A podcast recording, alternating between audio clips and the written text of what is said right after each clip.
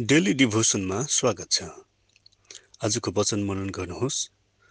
पहिलो सामेल सोह्र अध्यायको दसदेखि तेह्र पद। इसैले आफ्ना सातजना छोराहरूलाई समूहको अघि हाजिर गराए। तर तिनले भने परम प्रभुले यिनीहरूमा कसैलाई पनि चुन्नुभएको छैन। तब समूहले सोधे के सबै यति नै हुन्?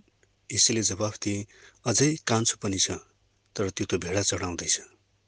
समयले इसैलाई भने त्यसलाई बोलाऊ। त्यो नआउन्जेल हामी बस्नेछौँ छैनौँ? यसकारण यसैले तिनलाई ल्याउनलाई मानिस पठाए। तिनी राता राता गाला चम्किला आँखा भएका सुन्दर युवक थिए। परमप्रभुले भन्नुभयो उठेर त्यसलाई अभिषेक गर। व्यक्ति यही हो। समयले तेल भएको सिङ लिएर तिनका दाजुहरूका सामु तिनलाई अभिषेक गरे। तब परमप्रभुका आत्मा दाउदमाथि आउनुभयो। र त्यस दिनदेखि उसो तिनीसँग रहनुभयो। त्यसपछि समयल रामाको बाटो लागे। साउललाई राजा चुनेको इसरायलीहरूको चुनाइलाई गलत पुष्टि गर्नु भएपछि परमेश्वरले इसैका छोरा दाउदलाई राजा चुन्नुभयो।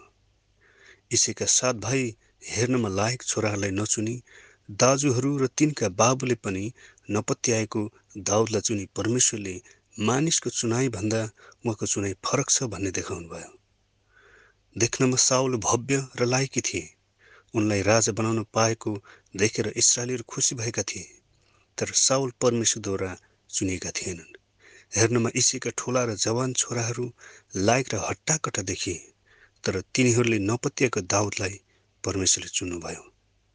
परमेश्वर रूप होइन हृदय हेर्नुहुन्छ गहिरो र गुप्त कुरा देख्नुहुन्छ। प्रिय हो के आज तपाईँ पनि मानिसहरूद्वारा नपत्याएको? र तिरस्कार गरिएको व्यक्ति हुनुहुन्छ? के तपाईँ सोच्दै हुनुहुन्छ म हेर्नमा वा कलामा फलानु जस्तो छैन? कसरी परमेश्वरको सेवा गर्न सक्छु र? त्यसो होइन परमेश्वरले तपाईँले पनि चुन्नुभएको छ। उहाँले कला र रूप होइन हृदय र आज्ञाकारिता हेर्नुहुन्छ।